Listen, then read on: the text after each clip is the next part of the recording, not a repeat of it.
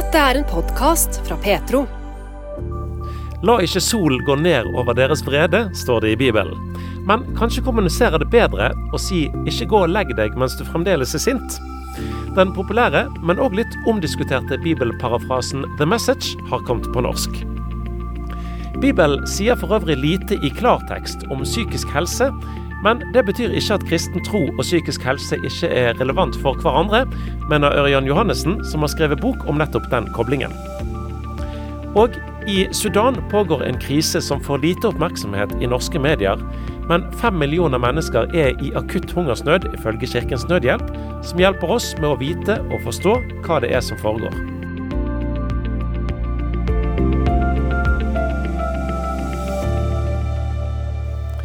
Velkommen til Petro-uken oppsummert for uke ni, der Ann-Kristin Bruns mot slutten av podkasten reflekterer rundt hva Guds fulle rustning er og betyr.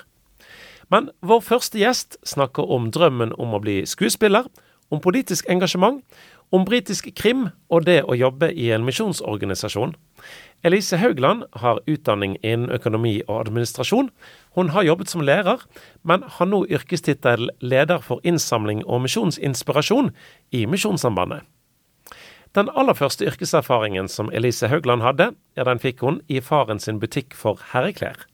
Det er, går an å si, nesten liksom min identitet. jeg er veldig er fortsatt veldig glad i butikkyrket. Eh, Jobba mange år. Jeg vokste opp i denne herreklær- og gutteklærbutikken. Eh, han hadde flere, og jeg, jeg så jo veldig opp til pappa da. Jeg skulle liksom overta hans butikk. og koste meg rett og slett i butikk. Eh, så, men så ble ikke det Han, han ønska nok ikke at jeg skulle drive butikk, for det er hardt arbeid. og han, han hadde lyst til at jeg skulle gjøre noe annet, og da hørte jeg på han. Men jeg, jeg, det vil si, jeg fortsatte i en del år i butikk. Så jeg har jobba i andre her, klesforretninger. Herreklær, det er jeg veldig god på. Button down og bukser med stikklommer og alt dette her. Det er veldig god på faget herreklær. Ja. eh, og så jobba jeg i andre forretninger òg. Eh, min onkels eh, eh, holdt på å si kolonial og reiseutstyr. Så jeg har eh, tilbrakt ganske mange år i butikk. Mm. Eh, veldig glad i det yrket der. men så hadde du egentlig lyst til å bli skuespiller en periode òg, men det syns ikke faren din var noe god Nei, idé? Nei, nå høres det ut som jeg Altså, min far styrer hele livet. Det stemmer, det. Eh, da jeg var ung, så ville, så ville jeg bli skuespiller. Uh, fortsatt så ligger den drømmen litt sånn uh, så, så, han sa nei, det syns han ikke var noe for, for en Ja, for meg, da.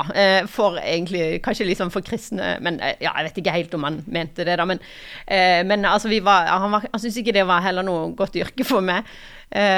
Så sier jeg til altså nå, fortsatt fornærma på han for det, da, så sier han ja, men nå kan du bli skuespiller. Sier han. Nå bestemmer jeg ikke over det. Vi tuller mye med det, da. ja, ja, det hadde vært morsomt, det, ja, hvis du skifta yrke helt, Åh, liksom. Ja, veldig gøy. Spilt Nora i et ukehjem liksom, på, på Nationaltheatret. Det er min, min, drøm, da. Ja, ikke sant. En av mange drømmer. Mm. Men så valgte du altså å jobbe i en uh, misjonsorganisasjon. Ja, det ligner jo litt på skuespillerne. Ja, du syns det? Nei, det gjør ikke det i det hele tatt. Nei, dette er helt ekte. ikke sant.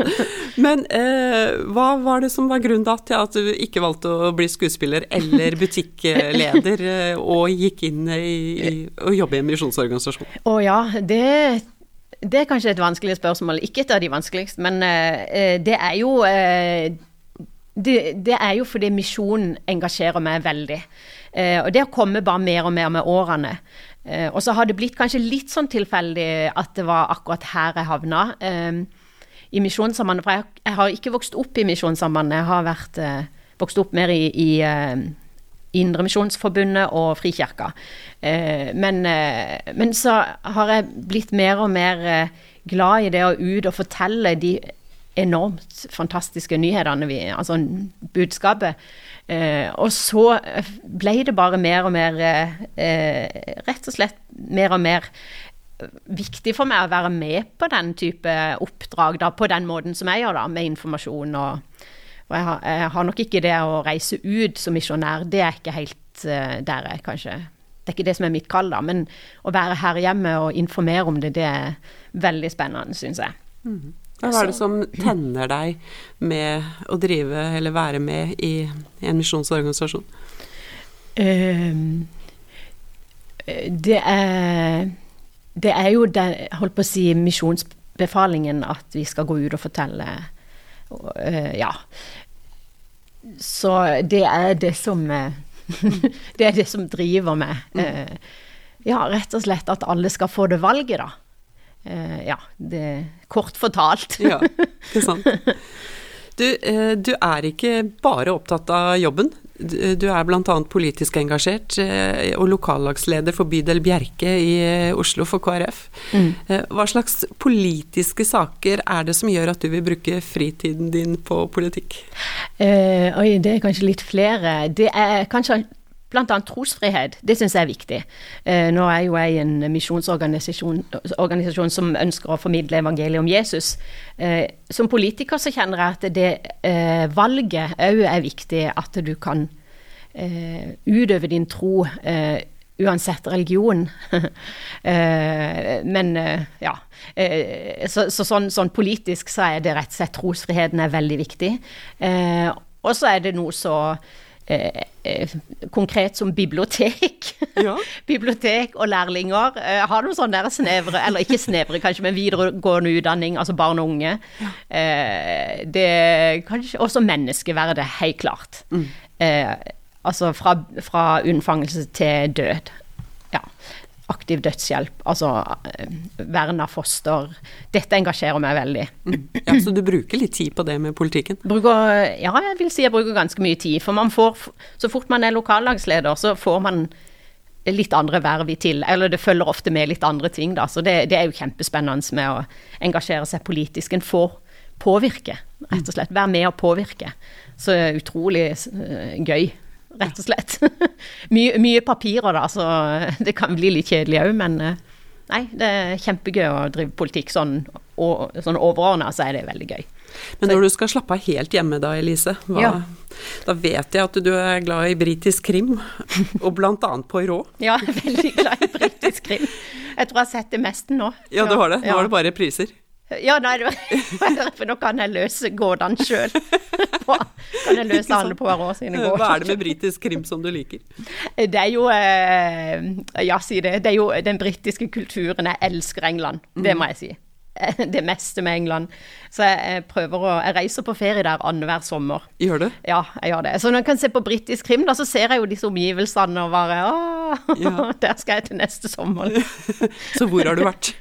Eh, jeg reiser Altså, nå har jeg blitt en sånn Går det an å Er det lov å si pensjonist i dette med å reise på ferie? For jeg trenger ikke reise noen andre steder enn til Cornwall i Sør-England. Oh. Det er et standardsted jeg reiser. Sånn samme ruta. Går liksom Går i, eh, langs kysten, langs klippene og oh. har litt sånn afternoon-tid og Så det er det samme jeg gjør annethvert år. Ja. Begynte i år 2000. Er det sant? Så den byen har du lært å kjenne? Den kjenner jeg veldig godt. Og alle disse små, små landsbyene til høyre og venstre. Er det ja, sånn ja. Eh, liten Agatha Christie-småby det, da? Ja, det er det. Ja, det er det. Penzance er da byen. Ikke så veldig fin, men uh, veldig fint utgangspunkt for å komme seg til nydelige steder. Ja, nei. Veldig glad i. Så jeg er blitt, eh, der, der er jeg blitt godt kjent. Ikke sant. Du, eh, tilbake til det at du jobber i en misjonsorganisasjon. Eh, det er bare kristne rundt deg? Ja. På jobbsammenheng. Mm. Hvilke fordeler og ulemper er det med det? Eh, ja, det er utrolig fint, bl.a. det å kunne be sammen med kollegaene. Det er Eh, at vi jobber for det samme det sto, Nå snakker jeg om fordelene. Jobber for det samme målet. Eh, det føles utrolig godt. Eh, vi vil det samme. Verden for Kristus. og ja, heier på liksom, det oppdraget, da. Og så ulemper er at man kanskje kan bli litt Forbrynt seg litt lite på, på, liksom, på troa si, da. men alliavel så tenker jeg sånn Eh, det er flest fordeler. Man får styrka, styrka troa si egentlig òg, at vi ber sammen og, og, jobber for det samme. Eh, men så trives jeg veldig godt eh, i miljøer hvor det er mange som ikke er kristne. Det har jeg alltid gjort. I studenttida så var jeg veldig mye på fester, og, men, men, var tydelig kristen, da. Så, så det, jeg trives veldig godt i Jeg kan gjerne være i Ja. Og, og det å kunne fortelle sjøl, eller være en tydelig kristen i andre miljøer, det er òg veldig trosstyrkende. Mm. Så i fritida så prøver jeg å være litt eh, andre miljøer, da. Men det, det, er ikke alle som er like som syns det er like lett å være så frimodig blant ikke-kristne. Mm. Hvordan takler du det, liksom? Er du bare åpen med en gang og sier eh, ja. hva du tror på? Ja, det pleier å være veldig enkelt når de spør hva jeg jobber med. Ja, så legger det seg veldig til rette. Sånn. Ja. Og så, så, er jeg alltid litt spent. Hvordan reagerer de? Men så er det jo de fleste overraskende positive. 'Å ja, så fint, da', sier mange. Ja. så, så det er kanskje litt i man, ofte i vårt eget hode kanskje at en tenker at uff da, eller mm. beklager, jeg er kristen, liksom, og da vet jeg sånn og sånn. Men, men jeg møter enormt mye positive folk til kristendom, eh, og opplever òg at det er mange som skulle gjerne jeg syns det er fint, eh, men at ikke de sjøl tror på det. Eh, og så er det jo nest Altså fordi dette handler jo om at jeg tror på Jesus som er verdens frelser. med en gang vi begynner å snakke om alt, alt, det andre som er sånn de leser om i media, og mm. om uh, alle disse uh, ja, Teologi og sånn? Teologi, ja. Om, uh, ja. Da, det er ikke ofte jeg kommer så langt. Vi kommer liksom til Jesus som er verdens frelser, og så er jeg veldig glad jeg slipper å ta de der teologiske diskusjonene, altså de skikkelig problematiske, der vi er altså konservativ, liberal, den type ting. Det er veldig rart, men uh, jeg er glad jeg slipper å og, ja, jeg kan rett og slett bare peke på Jesus. Det er han som er ja, den, min uh, rettesnor. Det sa altså Elise Haugland, som er leder for innsamling i Misjonssambandet, og reporter her var Sølvi Olim.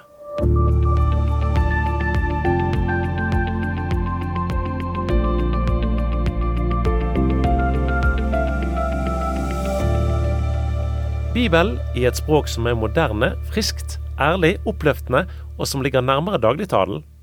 Sånn omtaler Herman Forlag The Message.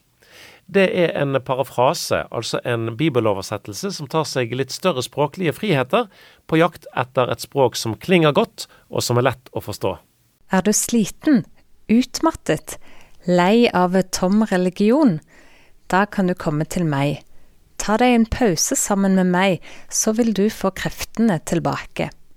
Sånn høres et kjent utdrag av Jesu tale i Matteusevangeliet kapittel 11 ut, i Herman Forlag sin ferske norske oversettelse av The Message.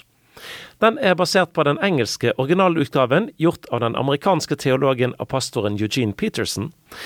Ann-Kristin Iversen har ledet oversettelsen av Petersons The Message til norsk. Jeg ble kjent med Message da jeg faktisk bodde i USA.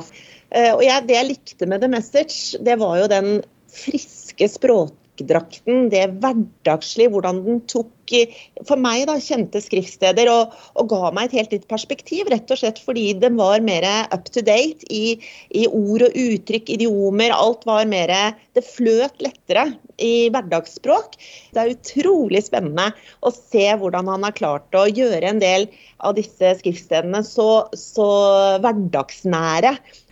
Gå sammen med meg, samarbeid med meg, se hvordan jeg gjør ting. Lær deg nådens uanstrengte rytme. Jeg vil ikke legge tunge byrder på deg eller gi deg oppgaver som ikke passer for deg. Hold deg nær til meg, så vil du lære hvordan du kan leve livet naturlig og i frihet. Den engelske utgaven av The Message er en salgssuksess med 20 millioner eksemplarer solgt. Men den har òg vært kontroversiell, siden presisjonsnivået i forhold til den bibelske grunnteksten er redusert til fordel for et klarere språk. For Eugene Peterson var det på talerstolen at hans karakteristiske måte å bruke Bibel på oppsto. Det han begynte å gjøre når han underviste fra talerstolen, var at han parafraserte Bibelen. Han begynte faktisk med Galaterbrevet.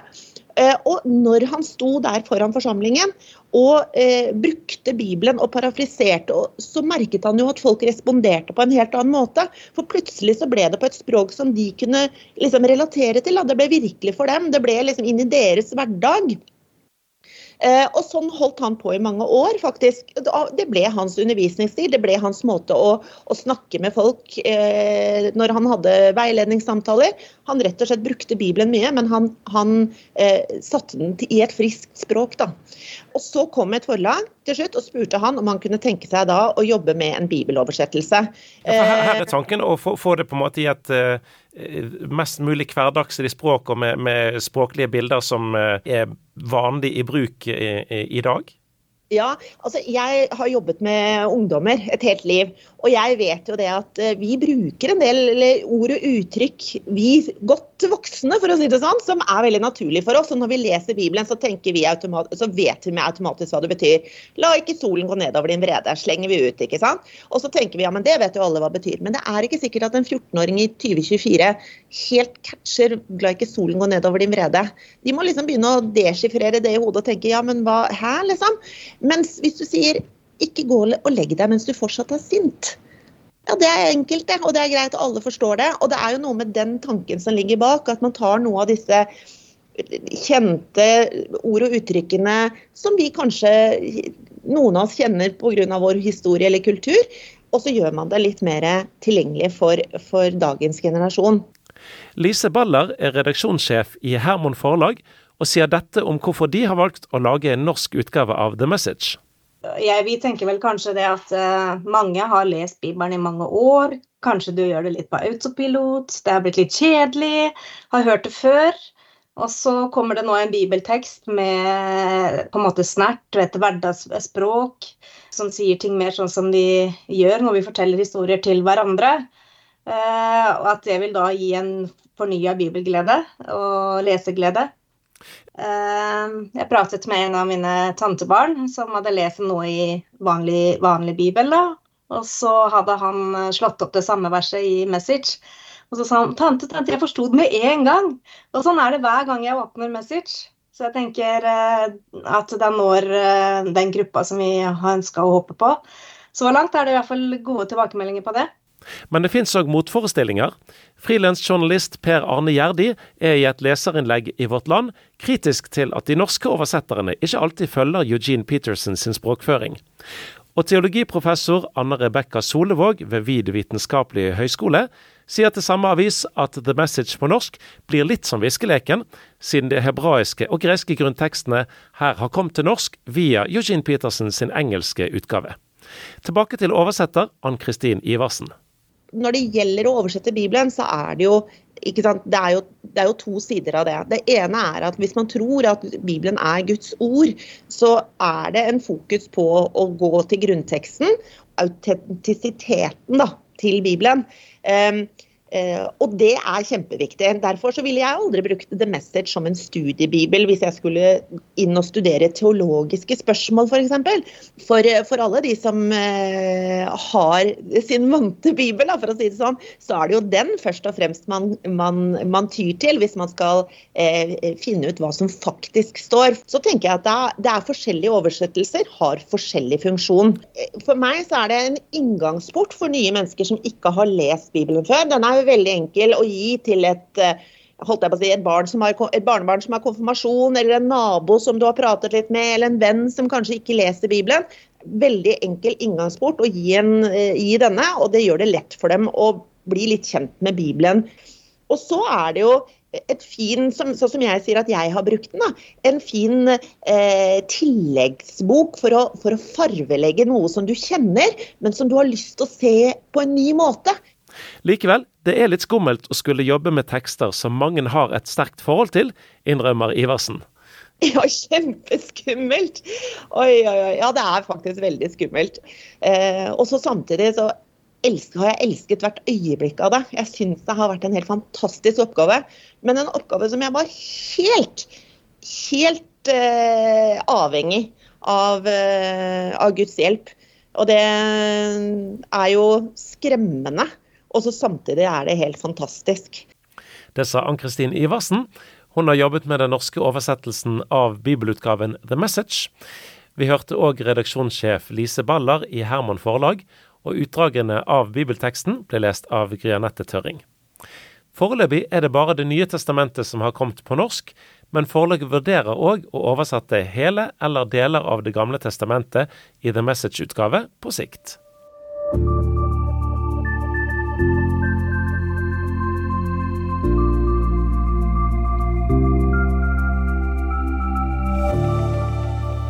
Så skal vi snakke om psykisk helse og kristen tro. Ørjan Johannessen har skrevet boken 'Sjelslivets landskap', som kom ut før jul. Han er utdannet sykepleier og har videreutdanning i psykisk helsearbeid.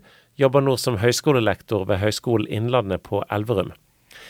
Bibelen sier lite i klartekst om psykisk helse, men det betyr ikke at kristen tro og psykisk helse ikke er relevant for hverandre. Um, ja, det kan du si. Det er på en måte disse begrepene psykiatri og, og psykisk helse og sånne ting. Det, det bruker ikke Bibel sånn direkte. Men samtidig så bruker jo Bibel dette som har med sjel å gjøre. Og, og og blant annet så sier f.eks. Johannes i et av brevene sine så sier han det at han ønsker at vi skal være ved god helse, slik som også vår sjel har det godt. Det forteller jo meg at uh, dette med sjelen vår og hvordan vi har det som mennesker, det er noe Gud ønsker at vi skal ha det godt med oss sjøl. Altså livet her på jorden, så skal vi få lov til å, å, å, å kjenne på fred, vi skal få kjenne på glede. Og, og Jesus sjøl sier jo at han er sjelshyrde og tilsynsmann. Som betyr at han vil, Gud, Gud ønsker at vi skal ha det godt uh, som mennesker. Så selv om Bibelen ikke direkte bruker ordet psy psykiatri eller psykisk helse, så jo, handler jo dette om sjelslivet og hvordan vi har det som mennesker. Det er en av Fjodor Dostojevskij, en, en, forfatter som har sagt at alle mennesker har noe i sin sjel som gråter. Og Det er jo noe som alle mennesker kan kjenne på. At vi har møtt ting i livet, vi har opplevd vi har erfaringer, kanskje fra barndom og tidligere, som har skapt ulike sorger i livet vårt, eller ulike sorger i vår sjel. Og, og hvordan vi, vi, takler det og håndterer det, er jo med å påvirke hvordan vi har det eh, som mennesker. Og I boka di så siterer du Karsten Isaksen. Han var prest og eh, forfatter og skrev boka 'Sint, sant, sunt'. Og Han eh, skriver om at alle barn må ta et oppgjør med foreldrene. Altså at det må gjøres et, et rektenskap over oppveksten sin, det positive og det negative. For hvis ikke så drar vi dette med oss inn i voksenlivet, og kanskje måten vi igjen møter nye generasjoner. Barndommen den går i generasjoner. Og Det betyr at det er sånn som vi er blitt møtt i barndommen vår, sånn, det tar vi med videre til våre barn og møter våre barn på igjen, hvis ikke vi tar et oppgjør med det. Og, og, og, og alle barn har på en måte opplevelser, erfaringer fra barndommen med sine foreldre, eh, der de kan på en måte ha opplevd skuffelser, sorger og forskjellige ting som, som, som påvirker både hvordan eh, selvverdien og, og, og, synet på seg selv og, og de tingene der. Og, Da blir det veldig viktig for oss at eh, vi, vi alle har et ansvar. Alle mennesker har et personlig ansvar for hvordan skal jeg velge å forholde meg til barndommen min? Hvordan skal jeg forholde meg til det som har hendt meg når jeg var liten? Hvordan skal jeg forholde meg til mamma og pappa som, ja, så gjerne ikke møtte meg på en så god måte, eller kanskje de til og med har gjort onde ting mot meg? For hvis ikke vi gjør, tar et oppgjør med de tingene, så vil det ligge og ha makt over oss på en eller annen måte. Enten i form av bitterhet og sinne eller eh, lav eh, sjølverdi og sånne ting. Så, så, um, så, Derfor så blir det en viktig ting, da, dette å få ta ta et eh, oppgjør med, med, med, vår egen fortid. Og tilgivelse er som sagt virkelig en vei til helbredelse og legedom. For da får vi plassert skyld der den hører hjemme. Den, vi får plassere skam der den hører hjemme. Uh, og, og, vi får òg en mulighet til å bli fri, da. Frigjøre oss fra disse negative følelsene som vi kan kjenne på da, i møte med urett. Du skriver om eh, begrepet omvendelse i boka di. Altså, det er jo et ord som mange kristne har et uh, forhold til, en har uh, kjenner til. Ja. Handler dette om òg det samme?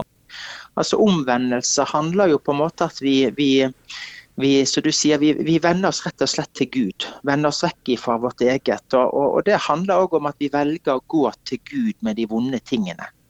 At ikke vi bare blir sittende og på en måte kjempe vår egen kamp med alt det vonde og vanskelige. Og Det er jo fort gjort at vi kan egentlig dyrke våre egne vonde følelser på den måten. Og Derfor så blir omvendelse og tro. da. De henger jo sammen, disse to tingene. Men det handler på en måte at vi velger å venne oss til Gud eh, eh for å ta imot hans hjelp. da, ikke sant, I møte f.eks. I forhold til hjelp til å kunne tilgi. Hjelp til hvordan vi kan møte andre mennesker på en god måte. Det handler om at vi, vi venner oss til Gud og, og velger å legge våre liv og, og, og, vår fortid og våre vonde ting òg i hans hender. og Stole på hans omsorg og hjelp. Altså I boka di så, så, er du innom eh, bibelvers, og du henviser til Bibelen. Og jeg la merke til at flere bibelvers handler om hvordan Gud snakker om Jesus. Og så vet mm. vi jo at uh, far sønn er en uh, krevende situasjon for mange. Er Bibelen og, og, måten Gud snakker om Jesus på, er det rett og slett et forbilde? Ja, det er det. Absolutt. Jeg tror at, at altså det vi mennesker alle mennesker lengter etter, det er å bli anerkjent og oppleve at vi har verdi. Det er på en måte urropet som ligger i menneskeheten, og som ligger i, hver, i dypet av hvert menneskehjerte. Så er det et rop etter 'elsk meg', 'se meg', 'la meg ha verdi for deg'. Og Det er derfor jeg syns det er så fantastisk den anerkjennelsen som Jesus får oppleve i Jordanelven. da når eh, han får høre liksom fra himmelen at far sier til ham, du er min sønn, jeg elsker deg og jeg har behag i deg. Og det, det, er på en måte den bærende, den dypeste formen for bekreftelse og anerkjennelse vi mennesker kan få. Det er at foreldrene våre sier 'jeg elsker deg, jeg har behag i deg'. Du er så verdifull for meg. Og Det er jo det som er å forme skal jeg si, et sunt sjølbilde. En sunn sjølfølelse. En, en sunn sjølaktelse. Eh, eh, det er helt grunnleggende for det. så Derfor så blir det et veldig forbilde for oss. Så ser vi òg at i alle de sammenhenger der barn ikke har opplevd det, der barn på en måte kanskje har fått høre mer negative ting, eller de kun har fått anerkjennelse når de er flinke til ting og sånt, det skaper da en skeivhet i denne her eh, opplevelsen av selvverdi.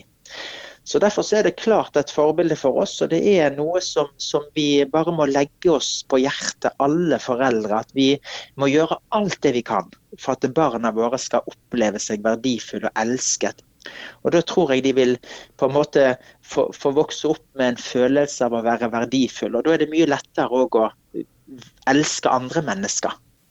Ørjan Johannessen sin bok 'Sjelslivets landskap' har undertittel 'Om psykisk helse og kristen tro'. Og Da er jo et spørsmål. Er kirker og menigheter flinke til å snakke om temaet psykisk helse? Ja, Det er, er nok eh, det er jeg veldig usikker på. Det har kanskje noe med, med, med altså fra kirkesamfunn og menighetssamfunn og menighet til menighet å gjøre. Men sånn, eh, hvis du tenker det offentlige rom, da, så er jo dette med psykisk helse mye mer framtredende nå enn det det var bare for 20-30 eh, år siden. Så selv om det fremdeles er en del stigma knytta til det å være psykisk syk eller ha en psykisk lidelse, så er det likevel mye mer rom for eh, dette psykisk helsebegrepet. At folk er mye mer opptatt av hvordan har jeg det, og eh, hvordan har jeg det med andre mennesker. Det snakkes mer om f.eks.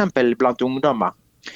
Men på samme tid så tror jeg at mange menigheter har, har, eh, mer å gå på i forhold til dette her med å være mennesker sammen og innenfor kristne sammenhenger. At vi, vi deler ikke bare en kristen tro eller vi deler gudstjenester sammen. men eh, jeg tror vi, vi, vi, har mye å gå på i forhold til det å dele livet sammen som kristne. At vi kan få lov til å dele livet sånn som vi opplever det, med utfordringer og vansker og ting som kommer på og der vi samtidig kan få be sammen med være medvandrere, da. Vil du normalisere dette her eh, begrepsbruken? Eh, er det det som er ønsket ditt med, med boka?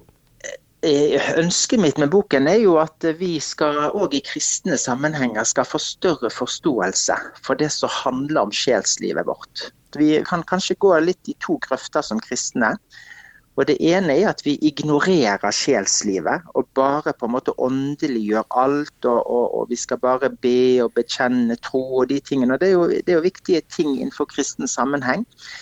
Men, men hvis vi neglisjerer det å være menneske, og at vi påvirkes av de tingene rundt oss, og, og, og ikke på en måte snakker om det i dag, så, så fører det til stor skade for mange mennesker. Og Den andre fallgruften er jo på en måte at vi bare blir litt sånn bare blir opptatt av oss sjøl og hvordan vi har det og vårt sjelsliv, og så neglisjerer vi dette med Gud. ikke sant? At Gud han ønsker å hjelpe oss, han ønsker at vi skal ha det godt. Han ønsker at vi skal komme til han med alle ting, alle byrder, sier Jesus. Kom til meg med alle dere som strever tungt å bære, og jeg vil gi dere hvile.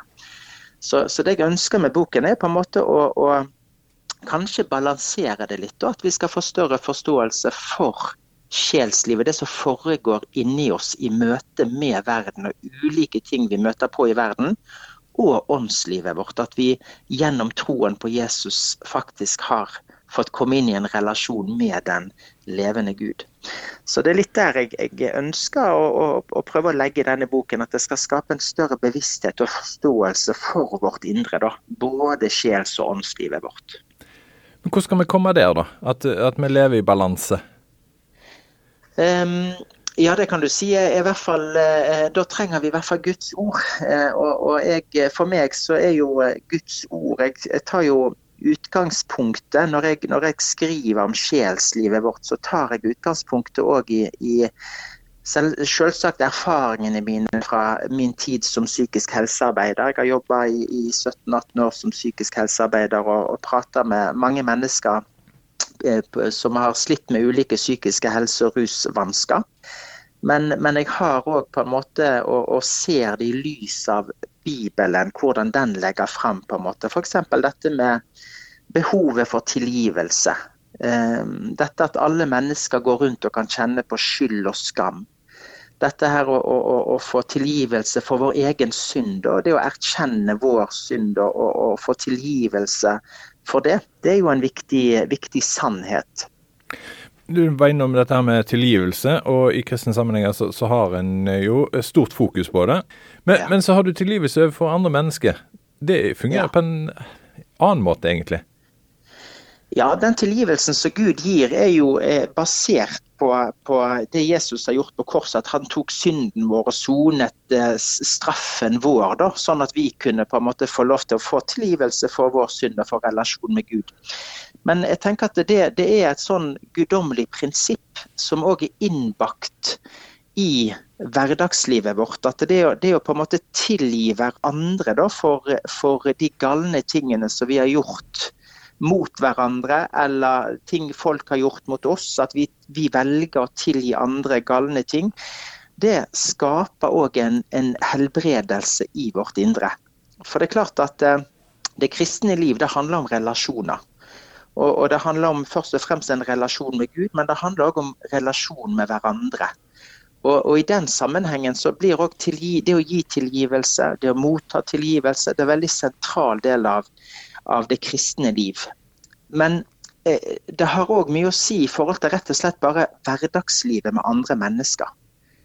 Sånn at det, det å på en måte få eh, det, det, å velge å tilgi når du blir krenka, når noen svikter deg, eh, eller du opplever skuffelse eller ting som kommer på, det er òg en viktig side som handler egentlig om den, det å bli fri, da frigjort ifra skuffelsen, frigjort ifra bitterhet, frigjort ifra det hatet som kan bygge seg opp i oss imot andre mennesker. Så tilgivelse er, det, det er absolutt et åndelig prinsipp, men det er òg et utrolig viktig prinsipp inn i hverdagslivet vårt i relasjon med andre mennesker. Også Et tema som du òg tar opp i boka, eh, 'Sjelslivets landskap', som du er ute med, det er mm. åndskrefter. Bibelen skriver om dette her, men eh, i norsk helsevesen så, så, er ikke det et tema som kommer opp.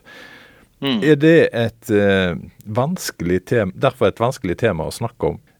Ja, det er uh, absolutt en, en, eh, et vanskelig skjæringspunkt. Altså det er et utfordrende skjæringspunkt. Hvor skal en legge dette?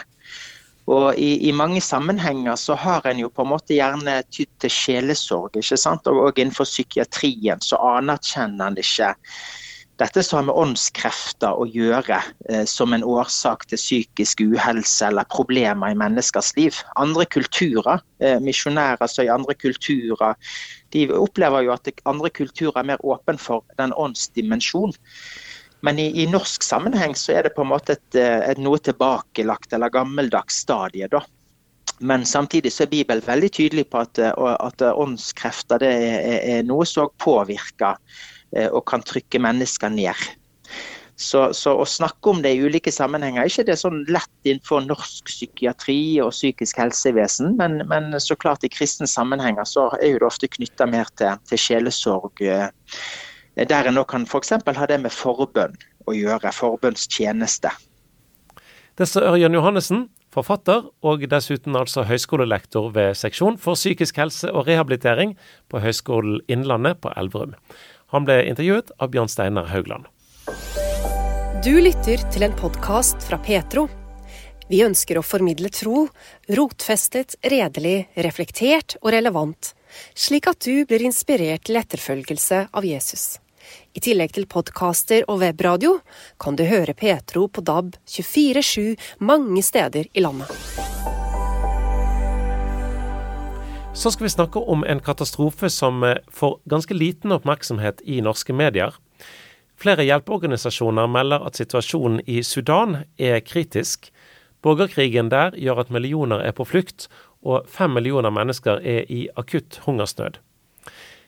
Sudan har vært preget av krig og konflikt i mange tiår, men i april i fjor så startet en stor krig. Landrådgiver i Kirkens Nødhjelp, Odd Evjen, sier at situasjonen er veldig alvorlig. Først så må en kanskje si kan det beskrives som et land. Det er en situasjon med, med to dominerende militære krefter som står mot hverandre, som har ødelagt veldig mye av det som kan kalles eh, infrastruktur og selve grunnlaget for, for, landet Sudan. De kjemper om ressurser, i hovedsak, uh, uh, og makt. Og dette går hardt utover sivilbefolkningen, som har det, fra april til i år så har jo det blitt en voldsomt stor eh, internflyktning- og flyktningsituasjon i Sudan. Men bortsett fra krigen, eh, hadde det vært eh, en sultkatastrofe der eh, allikevel? Altså er det vært tørke over lang tid? Sudan er jo i dette med klima eh, kommer jo inn som en bølge over hele regionen, Sahel-regionen og, og, inn i Sudan. og Sudan har et ekstremt stort potensial på matvareproduksjon. Så det er ingen grunn til at folk skal sulte, selv med klimaforandringer, med, med teknologi og med, med, det som er av vannressurser. Så, så ville en hatt evne til å overleve, men nå er det nå er så mye ødelagt at vi går imot en alvorlig, alvorlig eh, sultkatastrofe. Mm. Og, og, jeg har lest meg til at det er i hvert fall fem millioner som er i akutt hungersnød. Eh, vil det si at de ikke overlever eh, de neste ukene og månedene? Ja, vi, Når vi snakker Sudan, så blir det fort store tall. Fem millioner mennesker.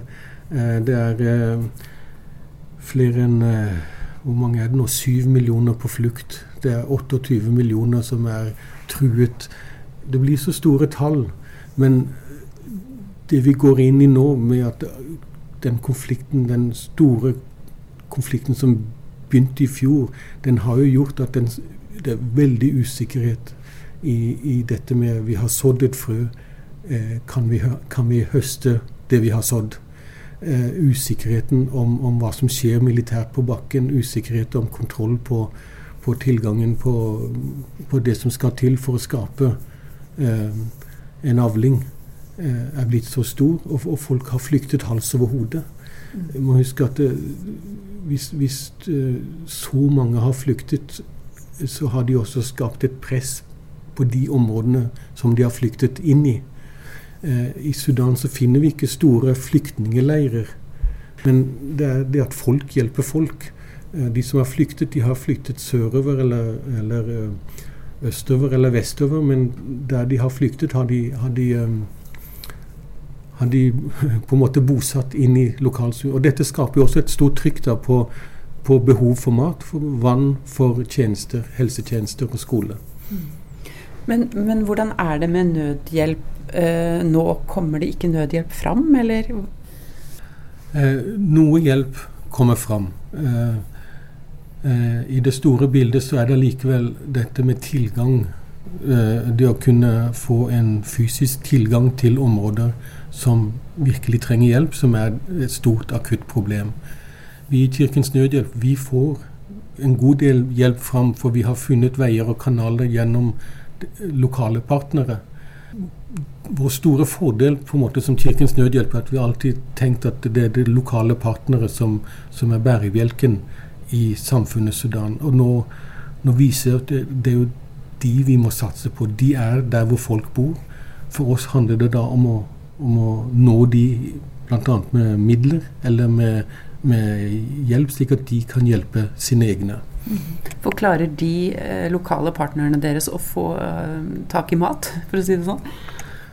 Eh, import av mat er jo vanskelig. Altså, når en snakker om å få tak i mat, så er det det å få de lokale markedene der hvor folk bor. At per nå så er det de som har forsynt i stor grad eh, befolkningen med, med de matvarene de trenger. Så, så vil det jo være noe som kommer som matvarehjelp som kommer inn. Det, det, er noe som kommer inn.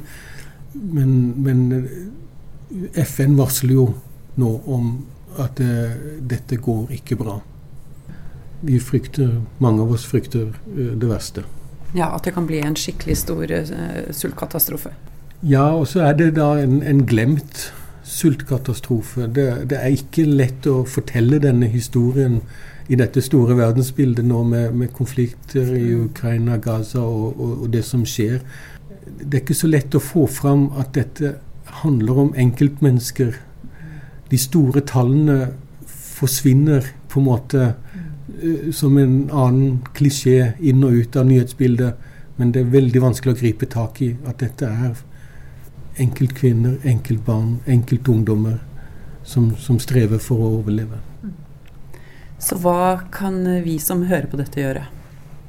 For det første så, så er det kanskje En går litt lei av nyhetsbildet fordi det er så mye som er så vanskelig å ta inn over seg. Men jeg tror vi har et ansvar, alle, om å la Kanskje aktivt oppsøke informasjon. Til å begynne med Ja, hva er det med Sudan? Fordi det ikke figurerer i nyhetsbildet, så er det kanskje det å kanskje tenke en tanke om at eh, det er noe her. Men eh, så er det jo det å, å, å tenke at uh, vi er gjensidig avhengige av hverandre. Det er den store diakonale tanken som ligger bak Kirkens Nødhjelp. At vi er faktisk et menneske i Sudan og jeg, vi er på samme planeten. og vi er gjensidig avhengige av hverandre. Og det, akkurat nå har jeg mulighet til å hjelpe noen i Sudan. Hvordan kan jeg gjøre det? Uh, selvfølgelig, Kirkens Nødhjelp uh, er jo der som en kanal for menigheter, for, uh, for et diakonalt uttrykk, at vi ønsker å hjelpe andre mennesker. Det er jo det som gjør at vi, vi, vi vibrerer som organisasjon, at vi nettopp står i kontakt med, med de som tror vi faktisk kan gjøre noe sammen. Eh, jeg tror håpet ligger i de mange sudanesere som jeg ser som vil noe. Som vil skape en framtid, som vil ta ansvar lokalt, som vil gjøre noe for sin neste. Det sa landrådgiver i Kirkens Nødhjelp, Odd Evjen, om situasjonen i Sudan. Han ble intervjuet av Sølvi Olim.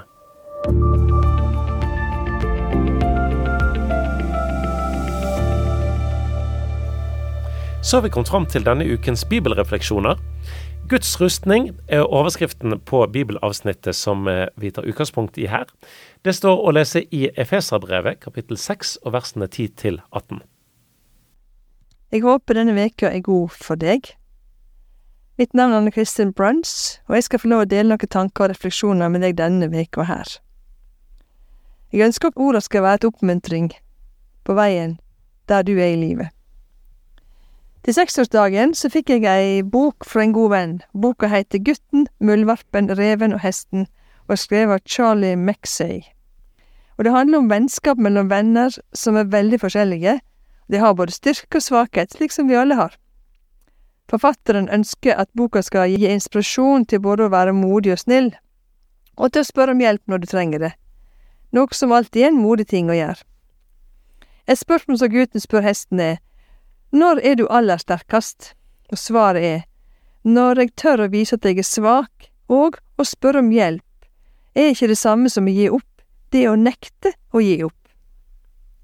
I Markus kapittel 9 vers 17-29 møter vi en far som nekter å gi opp for å søke hjelp for sønnen hans, som er grepen av ei ånd som gjør han stum, og han har søkt hjelp før. Han har spurt lærersveinene, men de har ikke kunnet hjelpe han. Så nå er han helt desperat, og han kommer til Jesus med gutten. Jesus' sin reaksjon kunne fått meg til å trekke meg tilbake, og ikke spørre mer om hjelp, for han sier, Dere vantruende slekt, hvor lenge skal jeg være hjå dykk, hvor lenge skal jeg holde ut med dykk? Og så sier han til slutt, Kom hit med han. Faren sjøl er fortvila, og han ber om at Jesus må ha medkjensle med deg og hjelpe deg. Om du kan, så ha medkjensle med oss og hjelp oss, sier han. Og Jesus virker nesten oppgitt. Om jeg kan? Alt er mulig for den som tror. Og umiddelbart roper faren ut, Jeg tror, hjelp meg i min vantru! Historien forteller at gutten ble frisk og ble helbreda. Det interessant er at Jesus sier nettopp at i slike situasjoner så kan det ikke gjøres uten bønn og faste. Og nå er vi jo midt i fastetida, og bønn er å rette oss mot Jesus og spørre om hjelp. Og husk at å spørre om hjelp er ikke det samme som gi opp. Det er både å være sterk og nekte å gi opp. Kanskje står du i en utfordrende situasjon og ikke ser utveien. La Jesus få dine spørsmål, la Jesus hjelpe deg, og hjelp oss alle i vår vantru.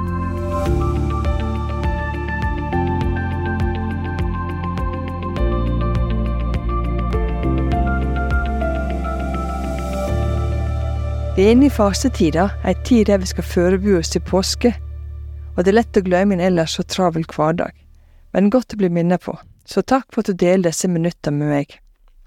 Denne etterjulsvinteren har vært preget mye av ulikt vær.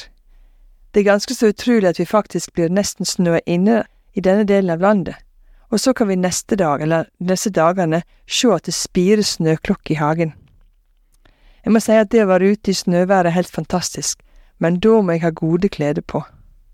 Med det rette utstyret kan jeg nyte snøen i fullt monn, kjenne hvor forfriskende det er å få snø i ansiktet, legge meg flat ut og lage engler i snøen, og ta på meg skia og renne nedover bakkene uten å være redd for det. Vi trenger ikke gå langt for å se at det er mye vondt i verden, med kulde mellom mennesker og mye vondskap. Og Paulus forteller i brevet til Efeseren sekt at vi står i en kamp, ikke med mennesker, men med makter og herredømme, bort verdens hersker i dette mørket, ja, mot vondskapen sin ånde her i himmelrommet. Hvordan reagerer vi på dette? Blir vi redde og holder oss innenfor trygge rammer? Holder vi oss inne i kirkene og bedehusene våre og minner oss på at det stormer der ute, men her er det stille og tyst? Paulus viser oss hvordan vi kan kle oss for å være midt i stormen, slik at vi kan overvinne det vonde. Og han sier, ta de for Guds fulle rustning på, vi kan gjøre motstand på den vonde dagen, vinne over alt og bli stående. Stå da fast, spenn sanninga til beltet om livet, ta rettferd til brynje, og snø fredens evangelie på skoene på føttene. Du kan klare å gå. Lyft trua høgt til skjold i alt som hender. Med det kan de sløkke alle brennende piler fra det vonde, og ta frelse sin hjelm og grip andens sverd som er Guds ord. Hvordan vil du utruste deg for dagen i dag? Vi kan også overvinne det vonde med det gode, midt i det du står i.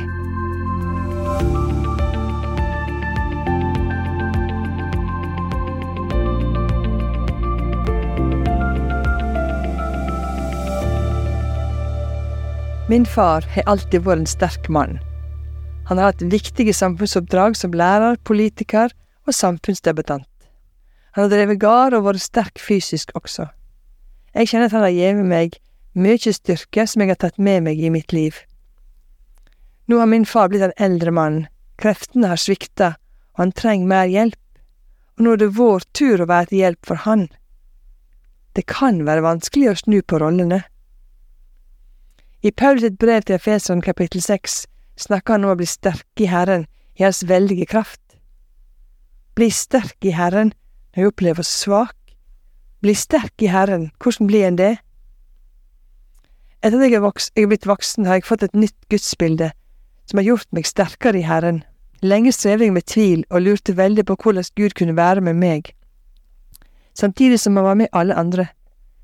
Jeg lærte ned gudsbildet preget at mitt lisje haud, som vi sier på Sunnmøre, at jeg skulle forstå Gud og vite hvordan han var.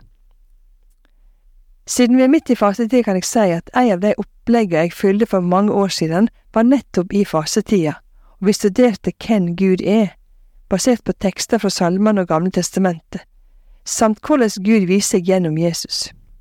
I løpet av den tida fikk jeg et virkelig et nytt syn på hvem Gud er, og jeg forsto og klarte å slå meg til ro med at mitt lille haud ikke klarer å fatte lengda, bredda og både hvem han er, er og hva han er.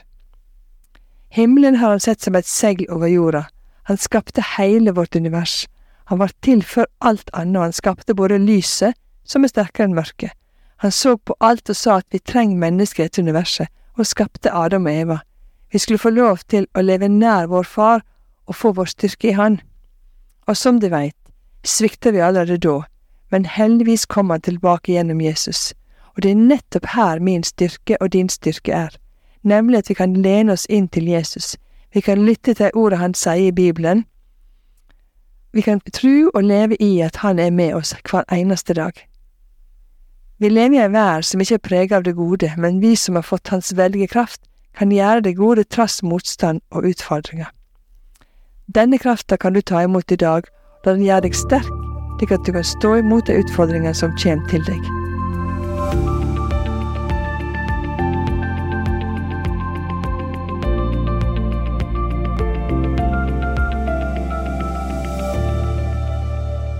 I den siste tida har jeg fått lov til å følge en venn fram til tru på Jesus. Hun har hatt ulike erfaringer med ånder og makter som ikke er gode. Hun har erfart spiritualitet og søkt etter åndelige opplevelser alle andre steder enn hos Jesus.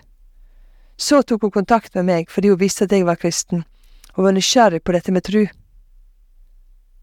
I hennes historie så ser vi mye igjen det som hun har erfart gjennom det som står i Efeserbrevet kapittel 6, fra vers 10 til 18, om djevelens listige åtak.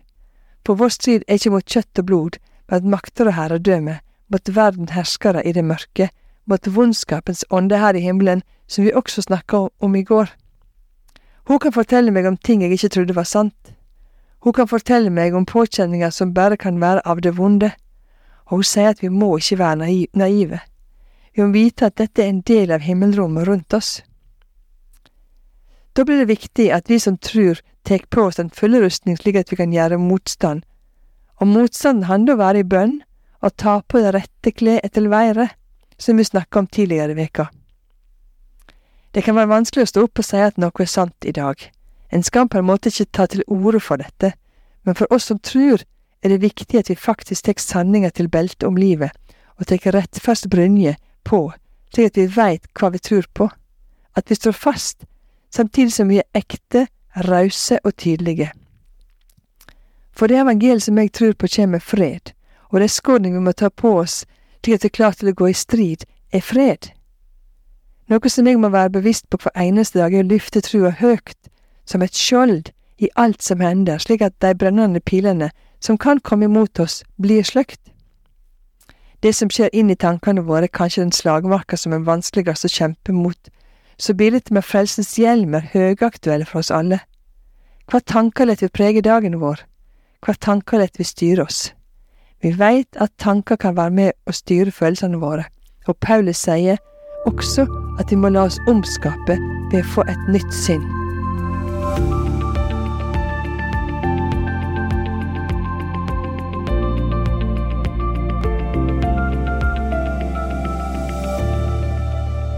Det er ikke sjelden at David i salmene auser ut sitt hjerte for Gud og ber om styrke og kraft til å stå i det, og det er godt å ta til seg mange av salmene når en står i utfordringer og problem.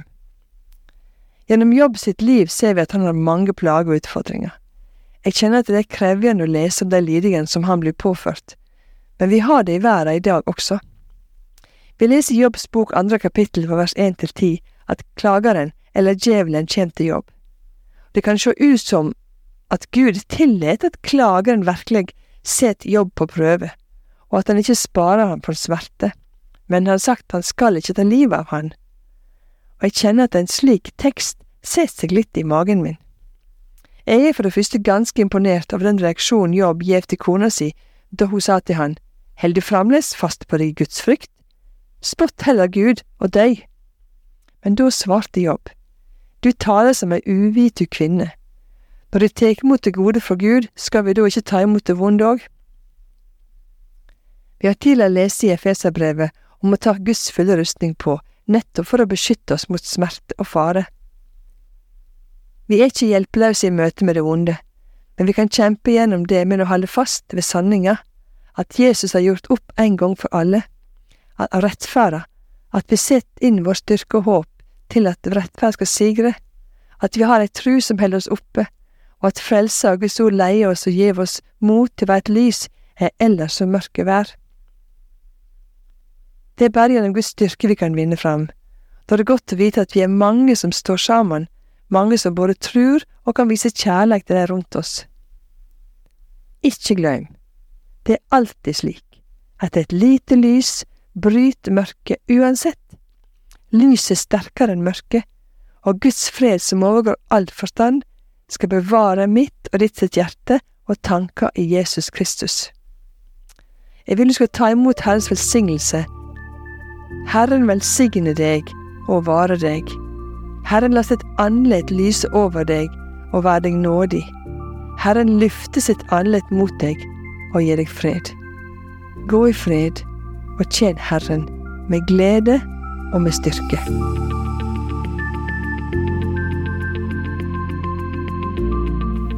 Takk til Anne Kristin Bruns, som var ansvarlig for serien Refleksjon denne uken.